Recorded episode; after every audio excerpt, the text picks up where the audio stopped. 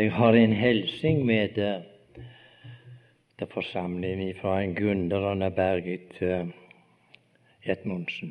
De har vært med oss i flere år her. Og de ville òg vært med i år, men det kom noe i veien. Og de hadde gleda seg til det, hun kan godt forstå det.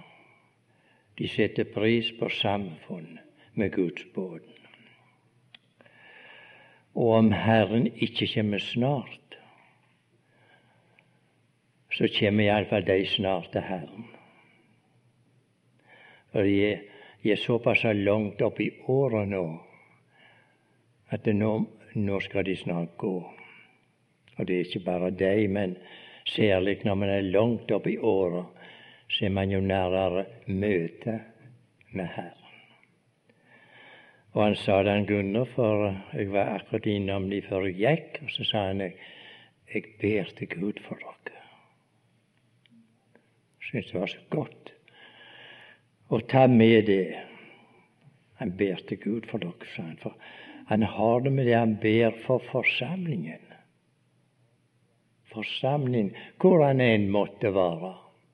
Ikke noe, ikke noe organiserte forsamling, men Herrens forsamling. Han ber for deg. Og kommer i den anledning på McKinnon, han pleide alltid å si det med egen bønn med egen velsignelse.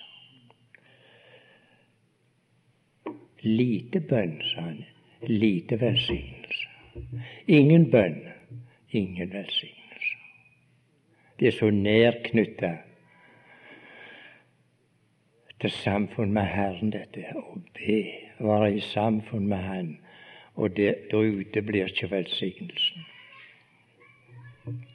Så ta imot den hilsen dere som kjenner til dem, og, og be til Gud for dem. Jeg for min del har lyst til å lese først et vers fra Salmenes bok. Nå skal vi se. Jeg tror det er Salme 19, er det ikke det? da?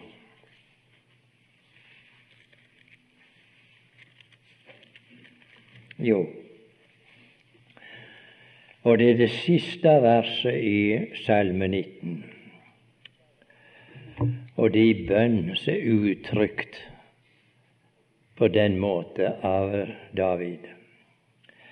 La min munns ord og mitt hjertes tanke være til velbehag for ditt åsyn, Herre, min klippe og min gjenløser. La min munns ord og mitt hjertes tanke være til velbehag for ditt åsyn. Ja, Herre, det er òg mi bønn. Jeg har lyst til å stå her en liten stund, Herre. Vil du låne min munn og mitt hjertes tanke. Så jeg kan få lov til å opphøye ditt velsignede navn og behage ditt hjerte. Du vet hvordan det ofte er med. Vi ber og vi leser for å behage våre hjerter, og det skal vi gjøre. Men hjelp oss, Herre, at vi ikke glemmer at du har ditt hjerte så lengta etter behag. At dine bånd skal behage deg med det, det, med det vi har fått av deg, Herre, og gi deg tilbake av det. For du har sagt den som ofrer takksigelse, han ærer Gud. La denne stund nå, Herre, være til de ære. At vi får får lov å få ord som Den hellige ånd gir. At du slipper å bruke mine egne ord, Herre, de duer ikke i denne sammenheng. Vi ber om det i Jesu navn. skal vi lese fortsatt Guds ord ifra Filippenserbrevet.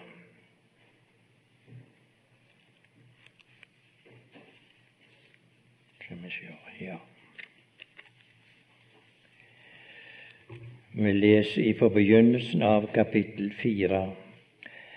Det er jo så velkjent. Filippenserne Hva var sa da? Filippenserne to skal det være. Ja. La dette sinn være i eder, som òg var i Kristus Jesus. Han som da han var i Guds skikkelse, ikke aktet det for et rov å være Gud lik, men av seg selv gav avkall på det og tok en tjenerskikkelse på seg.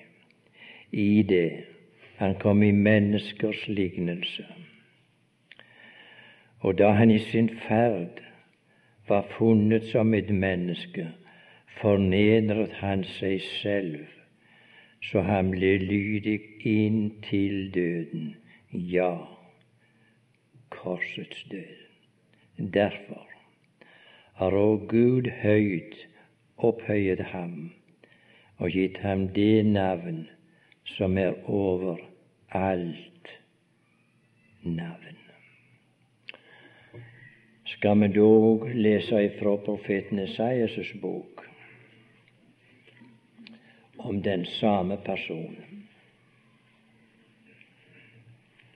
Det er òg så velkjent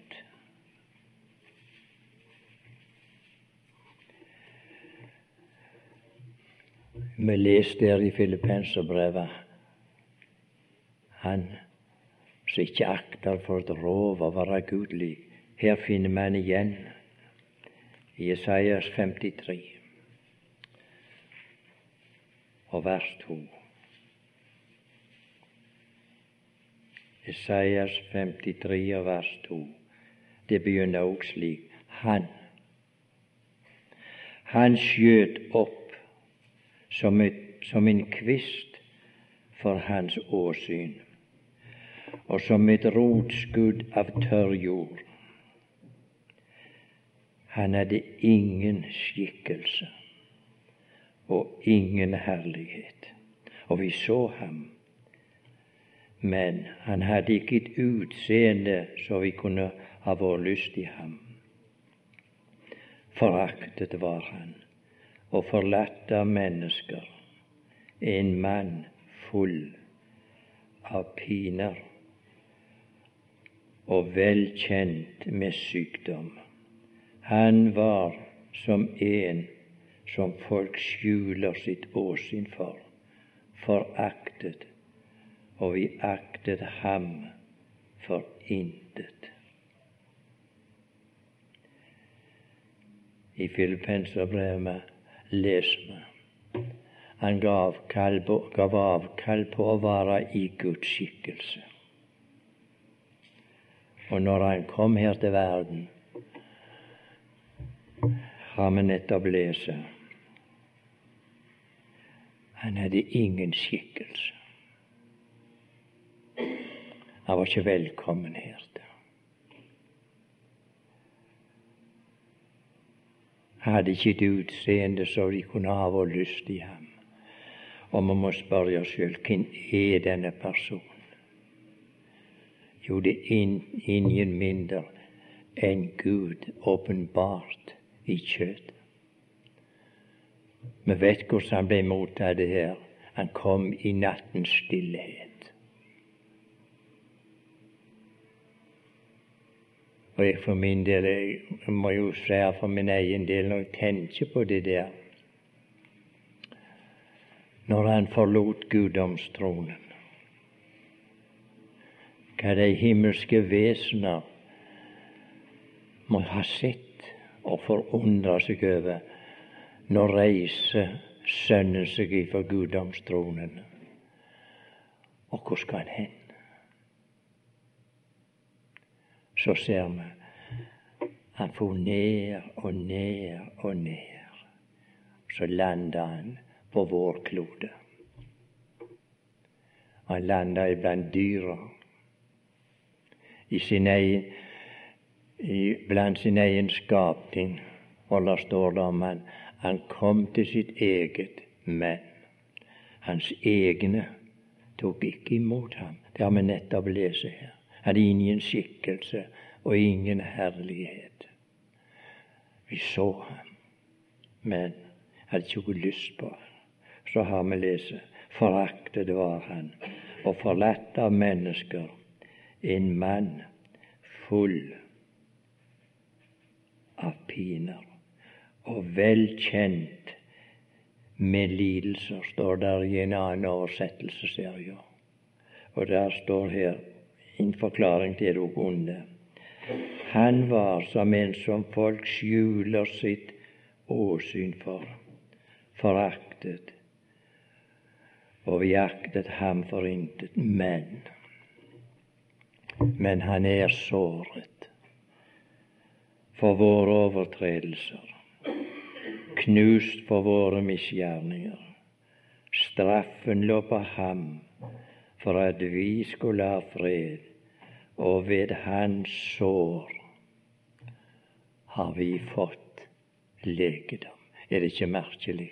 Få legedom ved en annen sine sår. Men så har Gud gjort det. Skal vi gå til Salmenes bok og lese et, et vers der òg i denne sammenheng? Det er i Salme 17. Og der tar vi òg siste vers. Salme 17, vers 15 er det. Jeg skal i rettferdighet skue ditt åsyn. Jeg skal, når jeg våkner, mettes ved din skikkelse. Mettes ved din skikkelse. Den skikkelse som var så motbydelig her i verden. Det skal komme en dag når vi skal mettes ved den skikkelse. Når vi tenker oss tilbake hva vi har lest i Filippenserbrevet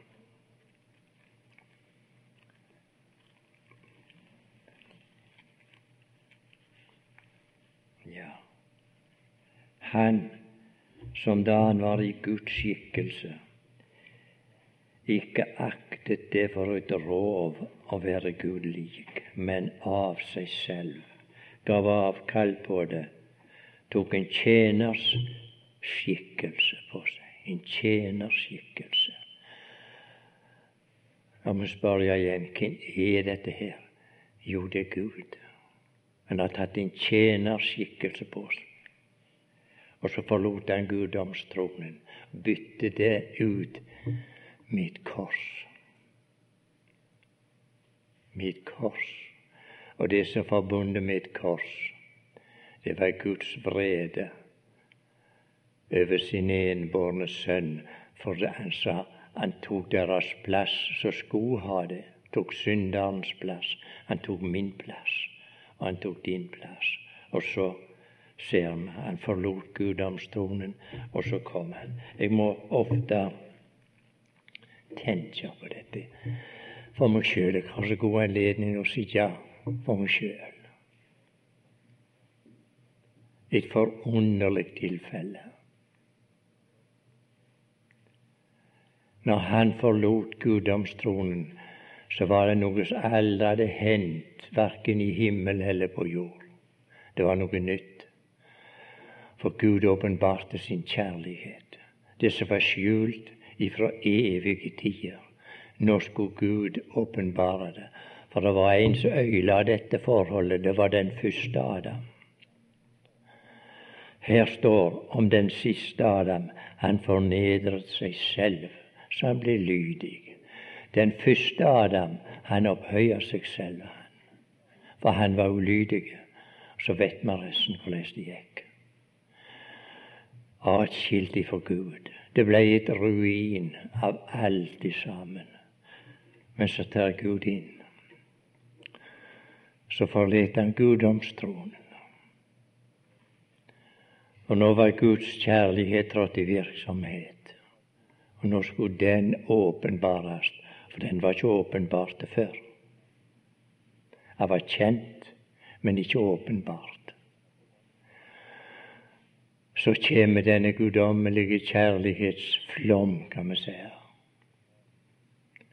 går ut ifra Guds trone. Han kom til denne verden og du får motstand han traff. Han la alt bak seg. Det var ingen makt som kunne hindre denne guddommelige kan si, oversvømmelse som var på vei til verden. Han la alt bak seg. Hvor skulle han hen? Jo, han skulle til Golgata. Det var siktepunktet. Satan var i virksomhet som aldri før når Guds sønn kom her til verden.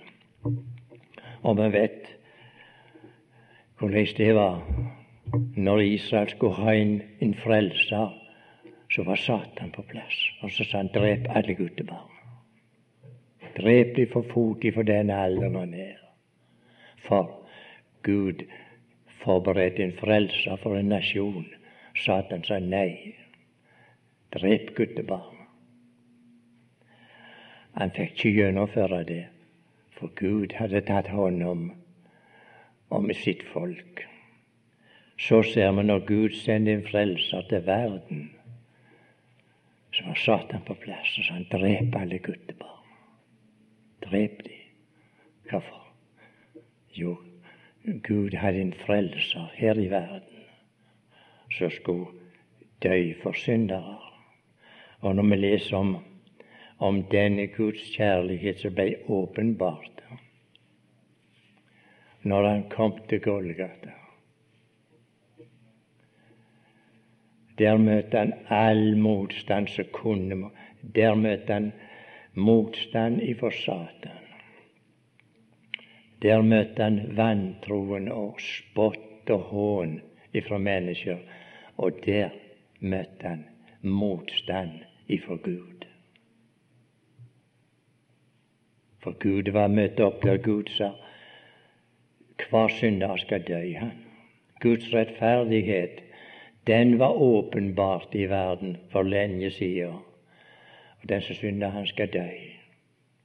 Og ingen, ingen vei utenom det. Men så kom Guds kjærlighet. Så kom Guds nåde inn, og så traff de der på Golgata. på Golgata. Og når han kom til Golgata, mennesker, de gav han i tornekrone. Og spotta han og hånte han og hata han. Han var utsatt for hat i hele sitt liv. I sovre i krona fikk han av menneskene. Men så gav Gud han ei herlighetskrone, leser vi om. Og den fikk han av Gud fordi Gud elsker Sønnen. Mennesker hata han og kronte han på den måten, men Gud har kronet han med herlighet og ære. Og Guds ord forteller oss når han, når han forlot herligheten, så la han til side sin herlighet. Jeg tror vi synger i en sang av og til. Senere da. Men du la det alt til side og ble lik et menneske. Og i ydmykhet du tålte spott og dyp fornedrelse. Han la det alt til side men det var ikke for alltid. Hebreabrevet sier det var for en liten tid. Gjorde han litt ringere enn englene, Men, mens han kronte med herlighet og ære. Det var han som kom her til verden. for å frelse syndere. Og så har vi jo, så har vi jo lest dette i, i profeten Isaias. Når han kom her til verden.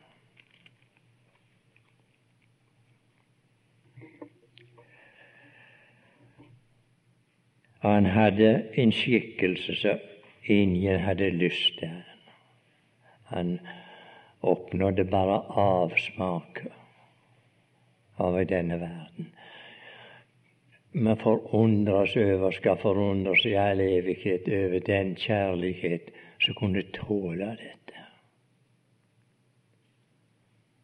Som elsker så. Ja, vi har lov å si han var forelsket i synder.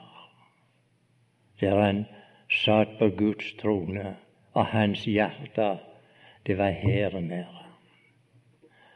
For hvis vi skal oppsøke Guds kjærlighet, så går vi ikke til himmelen. Det var ikke der den ble åpenbart, men det var her. Det var her Guds kjærlighet blei åpenbart. For derved står det er Guds kjærlighet åpenbart. Dette som var skjult ifra evighet av og i de forrige tidsaldre. Men Gud, ja, det, det, det, det er ikke bare under. Tenk, leser, hva det leser for oss i dag i Efeserbrevet, var utvalgt i Kristus før verdens grunnvoll ble lagt. Her nytter det ikke å bruke vett og forstand. Det er ikke brukbart, det her. Uten at Gud opplevde vår forstand. Tenk, før det var født et menneske, en synder i denne verden, så hadde Gud utvalgt dem i Kristus. Verdensgrunnen var, var lagd tidlig, den er ingen av oss som vet det. Men der kom, der kom mennesker inn i verden, og så vet vi han som hata Gud, han var på plass. Men så hadde Gud lenge før at han utvalgte disse synderne i Kristus. Vi sier som at de er det svimla for tanken, og la det bare svimle. De er ingenting, for Gud har sagt det. Og det vi har lest om her i Esaias' bok, om hans skikkelse Vi kan se over i kapittelet før, i det 52. kapittelet, når det gjelder hans skikkelse kapittel 52 og vers 14. Så ille tilrett var han at han ikke så ut som et menneske, og hans skikkelse Jeg kommer igjen. Og hans skikkelse ikke var som andre menneskebarns. Dette er din og min frelser, det. Så ille tilrett var han. Det er det svært å både stå og lese det og høre det. Jeg må bare forundre meg så mange ganger så lite det griper inn i mitt hjerte. Vi står og betrakter Guds sønn. Hvor lett vi kan lese gjennom dette her. Ja, det skal ikke alltid være slik. Vi skal en dag, ganske snart, skal vi skue opp i det åsynet som ble så ille tilrett at han så ikke ut som et menneske, og hans skikkelse ikke var som andre menneskebarn. Og nå betrakter må betrakte han her i Guds ord, på hans vandring i denne verden, som den tjeneren han var, når han la alt til sides, og så kom han for å gjøre Faderens vilje. Så kan vi følge han, som vi sier, ifra vogga til grav. Hans, hans liv var en eneste tjeneste. Og jeg synes for min personlige del, når vi leser Markusevangeliet, der finner vi tjener. Den sanne tjener. Han som var kommet ikke for å tjene seg sjøl, men for å tjene andre. Gud gi. Vi måtte være mer opptatt med han og sjå hva han måtte gå gjennom for å være den tjeneren for Gud i Guds kjærlighet. Når vi betrakter Han på veien ut til Golgata De begynte med piskeslag nokså tidlig, ser det ut til.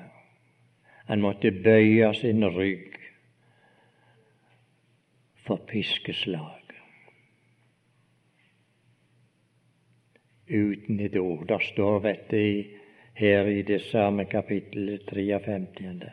Som et får er stumt for den som klipper det. Han opplot ikke sin munn. Som et får det er stumt, stumt for dem som klipper det. Når det gjelder et, et får og et lam, så tror vi kan si at alle vi vet Har du hørt et lyd ifra et lam og et får? Jeg har aldri hørt. Du kan gjøre med dem akkurat som du vil. Du han slår de i hjel. Ikke, ikke en lyd hører du. Guds lam. Som et får det er stumt for den som klipper det. Må det gå oss til hjertet. Hvorfor måtte han være stum? Jo, han kunne ikke ta til motmæle, for han spilte din og min sak. Din og min sak. Og da kunne han ikke ta et motmæle. Da måtte han ta imot det. Det var derfor han kom, for å gjøre Faderens vilje. Og så gikk det slik. Han måtte bøye sin rygg. Tenk, han som en dag bød, og det sto der. Så kom han her til verden. Ja, det kjenner like godt som meg når de leser evangeliene hvordan han ble betrakta her i verden. Han ble hata. Han som kom som kjærlighet, ikke bare kom som kjærlighet, men for Gud er kjærlighet, står. Han består av det, Gud. Og derfor kunne han utvise kjærlighet. Når han bøyde sin rygg og mottok alle de piskeslag og vi har jo lest om hvordan det foregikk. Det vi veit etter beskrivelsen, det var en åpen rygg. Jakob han sier La han få lov til å tale sjøl. Står ikke det her det er en plass?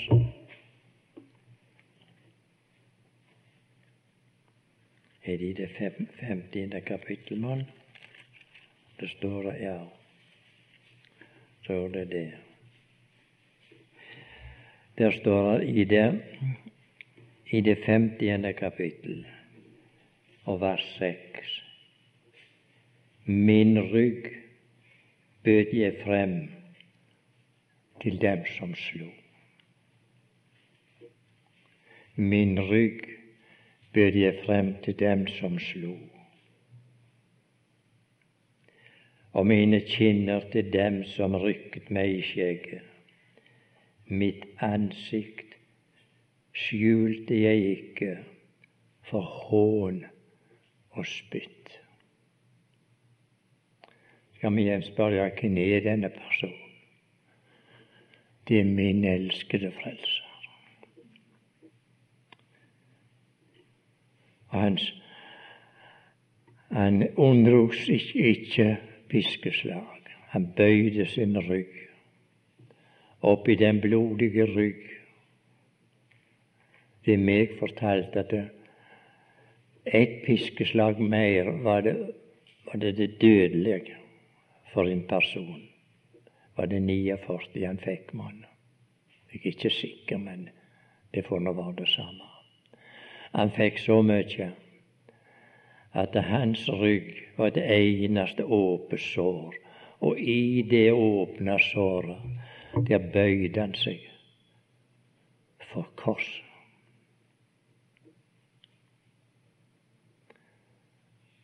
Kan undres på det står går det der ikke til hjertet. Alle som går på veien, sku og se om det er en smerte lik min smerte. Den som Herren har beredt meg på sin brennende vredes dag. Du, han klagde ikke for, for, for piskeslaget, men for det Herren hadde beredt han på sin vredes dag. Og vi vet hva det var.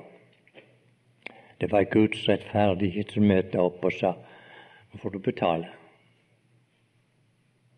Du skal gå i borgen for disse her. Nå vil jeg ha betaling. Og han fikk betaling. Og jeg tror det men det Spurgeon som uttrykker det slik. Når Guds rettferdighet møter opp på Golgata, så traff han nåden. Og så omfavner de en annen, nåden og rettferdigheten. Så var det anledning for en synder å ta imot dette som Gud hadde beredt. Guds kjærlighet og Guds nåde, de møttes der på den måten. Og leser vi videre i denne beretningen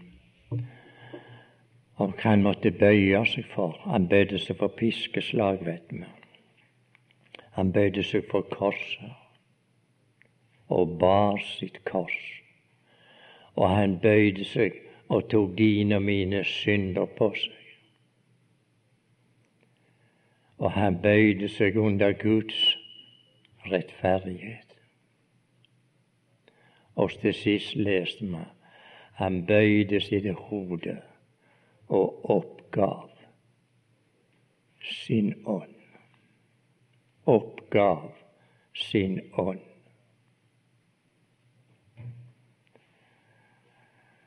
Skulle vi spørre en annen hvordan er det? Er det kjærlighet til Han i våre hjerter?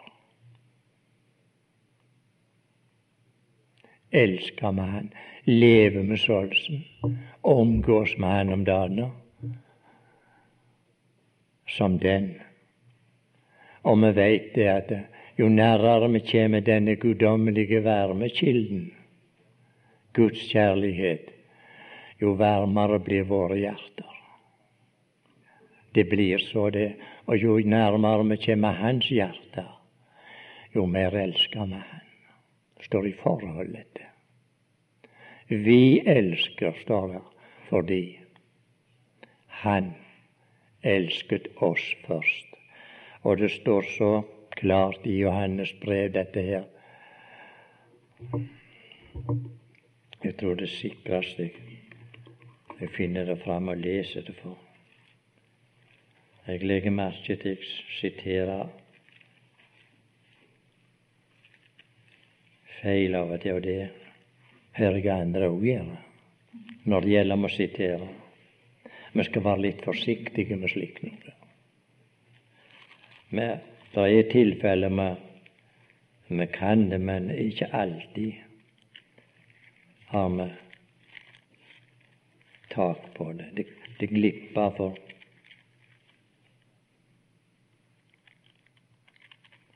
for hukommelsen. Ja, ja, ja det er første Johannes 4 og vers 9. Der står det ved dette er Guds kjærlighet åpenbart iblant oss. Ved dette hva vel? Jo, dette vi har lest tidligere. Ved dette er Guds kjærlighet åpenbart.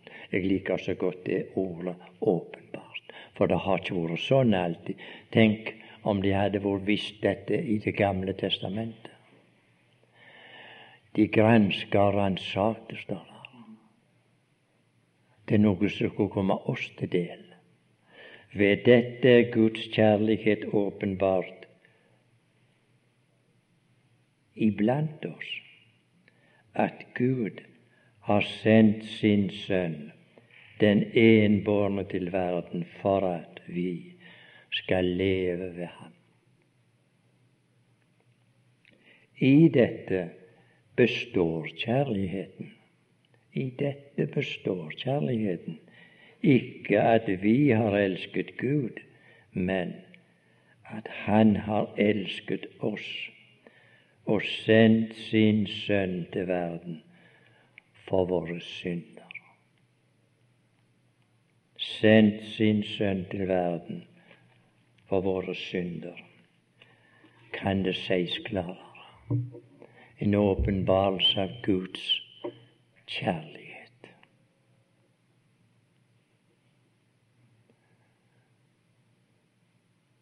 Skal vi snart møte Han? Hva tror du? Vi behøver ikke tippe det er helt unødvendig. I Hebreerbrevet står det det er bare så kort en stund. Det, jeg har lest det litt annerledes mange ganger. Det er så kort en tid. En tid, vet du, den kan være lang, den. Men jeg, jeg syns det er så godt med det uttrykket der men det er bare så kort en stund. Så kommer han. Vi sier det er litt å stund, og hvor det fryder mitt hjerte. Herren har beskrevet ei kort tid, ei lita stund. Å, for ei trøst! Når vi skal sjå det levende håpet vårt. Han sa en dag sto ved Lasarus' grav, og så ropte han ut. Kom ut, Lasarus. Så kom Lasarus. Det var den mann, person, som før sto og sa bli lys, og det ble lys. Hans røst skal snart høres igjen, den. Og hvordan skal den lyde? et bydende råp. Han som bød, og det sto der, han som bøyde sin rygg, han som blei så ille tilrett. Han kjem snart, sier Guds ord, mitt bydende råp. Kjem han som hevner? Nei, han kjem som den kjærlighet han er. Men vi veit det. Avvis Hans kjærlighet, så vet vi òg følgen. Og vi vet det fra det praktiske liv her i verden. Forsmådde kjærlighet. Den er ikke god å hanskes med. Den kan bli bitter, den, og hard. Men den som ringakter denne kjærlighet, ja, det står det i, i Hebreerne ti om det der. Hva det, hva det vil si. Vi gjør vel klokt i å lese det når først har det oppe. Det står i Hebreerne 10. Har noen brutt Moselov, da dør han uten barmhjertighet på to og tre vitners ord. Uten barmhjertighet. Hvor meget større straff, verre straff, tror de da den skal aktes verd som har trådt Guds sønn under føtter og ringeaktet paktens blod. Har Gud talt? Har Han talt alvorlig? Han har det. Følgen av det ringakta Guds kjærlighet, det blir bort ifra Herrens åsyn. De ville ikke. De sa nei. Vi vil ikke ha noe med han. Må Gud velsigne oss med det at vi må bli mer og mer forelska i, i vår elskede Herre dag for dag. Leve for Han. Han er således Han. Det er mer vi omgås Han, det er mer enn vi elsker Han og han elsker oss. Det skal han snart bevise når han kommer og henter oss. Men vi leser vel noe fra salmer her. Var det salme 19 må vi lese? Ja, det var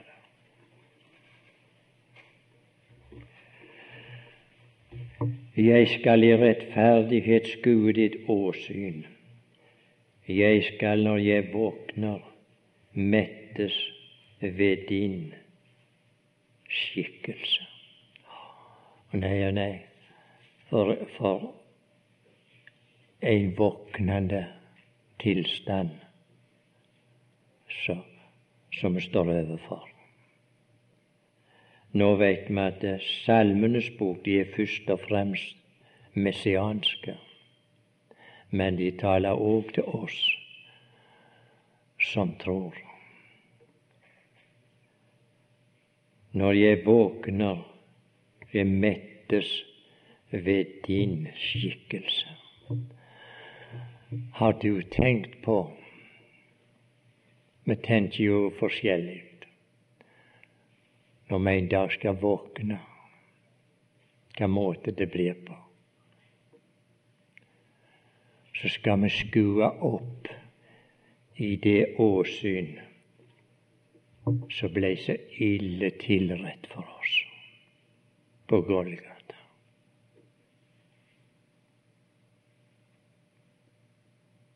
Ja, hva så?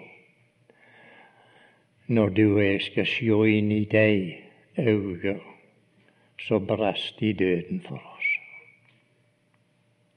Gleder du deg? Vi vil si i dag det ville være umulig for oss å se inn i dei guddommelige auga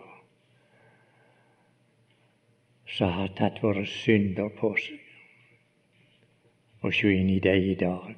Det må en forandring til. Vi kan ikke gå herifra til himmelen i den tilstand vi er her i dag. Det må en forvandling til. Men Guds ord sier vi skal bli ham like og vi skal se ham som han er. Jeg skal når jeg våkner, mettes ved din skikkelse. Det sies om en av Wesley-brødrene, jeg tror det var Charles Wesley. Han var nokså svak var det skrevet om han i, i siste delen av sitt liv. Og på sitt dødsleie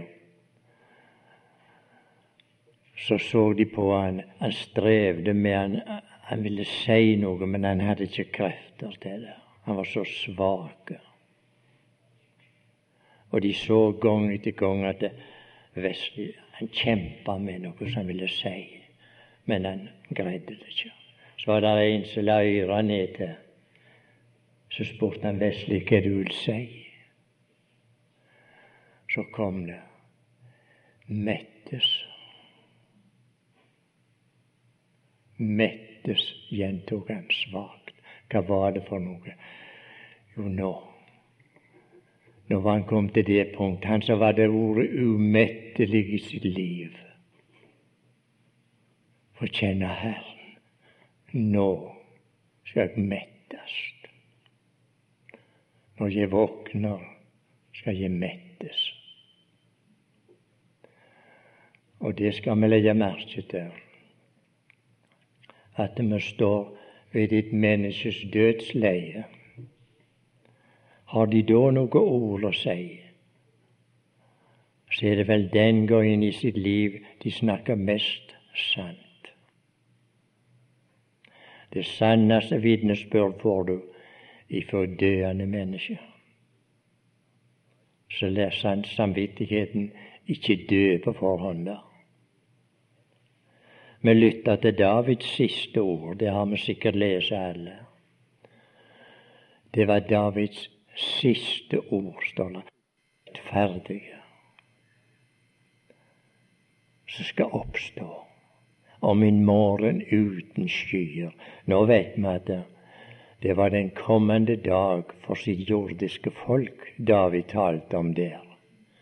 Om det herlige tusenårsriket. Men vi som hører Herren til, vi har en mye, mye herligere dag i vente enn Israel har, som sitt jordiske folk. For vi har et himmelsk kall og en himmelsk herlighet i vente. Når jeg våkner, skal jeg mettes ved din skikkelse Gud gi at vi måtte ha ei sterkere vent enn vi har. Og det får vi hvis vi lever i inderlig samfunn med Han. Så får vi mer og mer lengsel til å møte Han.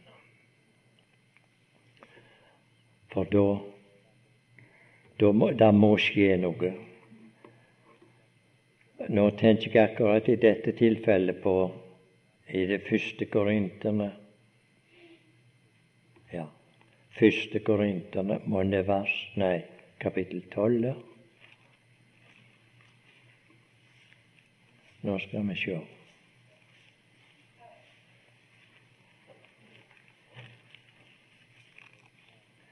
Vi vet Herren har, har talt flere ganger om mens vi venter. Det er i første Korinterne her, skal vi sjå. Ja, nei, kapittel 13 er det. Første Korinterne, kapittel 13.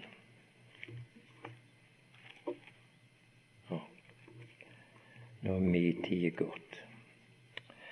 Skal vi lese et vers der? Det er det tolvte. For nå nå ser vi i et speil. Ikke et underlig ord. For nå ser vi i et speil i en gåte, men da. Og jeg elsker det lille ordet da. Nå ser vi i et speil i en gåte, men da. Kan vi spørre ja, hva er det da, da? Men da skal vi se åsyn til åsyn. Tenk åsyn til åsyn. Hm. Nå kjenner jeg stykkevis, men da, men da skal jeg kjenne fullt ut, like som jeg også fullt ut er kjent. Men da Troende bror og søster, det er godt vi har fått dette ordet for. Det er snart slutt på speiltilværelsen. snart slutt. Vi vet vi ser i et speil, vi ser i en gjenstand, men får ikke tak i han. Ikke kontakt med han. Her i speilet som Helligånden har gitt oss. Vi får ikke den kontakt med han som vi skal ha når det er åsyn til åsyn. Men da skal vi se åsyn til åsyn. Jeg er så inderlig glad det skal bli slutt på speiltilværelsen. Når Herren har tatt speilet vekk, det står vi vandrer i tro, og da trenger vi speilet for å sjå Han som elsker, og sjå, og sjå i speilet støtt og stadig. Men det er godt når speiltilværelsen er endt, og da skal vi se der står Han. Og der står jeg òg, og du òg da. Jeg kommer igjen på McKinnon det siste møtet jeg hørte han, jeg tror jeg var den siste som hørte han før han reiste til Sverige, og han utånda der. Talte han om disse ting. Jeg vet jeg har sagt det før, men det grep mitt hjerte. Når jeg kommer hjem til herligheten, sa han, for der står uh, tro og håp og kjærlighet blir stående. Men størst av dem er kjærligheten. Så vet jeg han sa det på sin måte. Når jeg kommer hjem, sa han, så ser jeg troen og håpet og kjærligheten står der borte. Og så vil jeg gå bort til håpet, sa han. Så ta håp i hånda. Takk, håp. For du, du hilt meg oppe med håp mens jeg var her. Og så går det bort til troen, så han rekker han. Takk, tro. For du holdt troen ved like mens jeg var her. Men jeg kan ikke stoppe med dere. Der borte står kjærligheten. Nå går jeg til Han. Må Gud gi oss nåde til å leve for Han og behage Han vi er så opptatt med når vi leser Guds ord. Det skal vi være. Med å, å finne noe til behag for våre hjerter og våre sjeler. Det må så være og skal så være. Men hvor opptatt er vi med å finne noe som gleder Hans hjerte? For Han har sin glede i sitt folk. Han og en venter tilbedelse og takksigelse. Snart skal en åpenbares. Så står det vi skal åpenbares med ham i herlighet. Med ham i herlighet. Gud gi at det blir mer kjært for oss.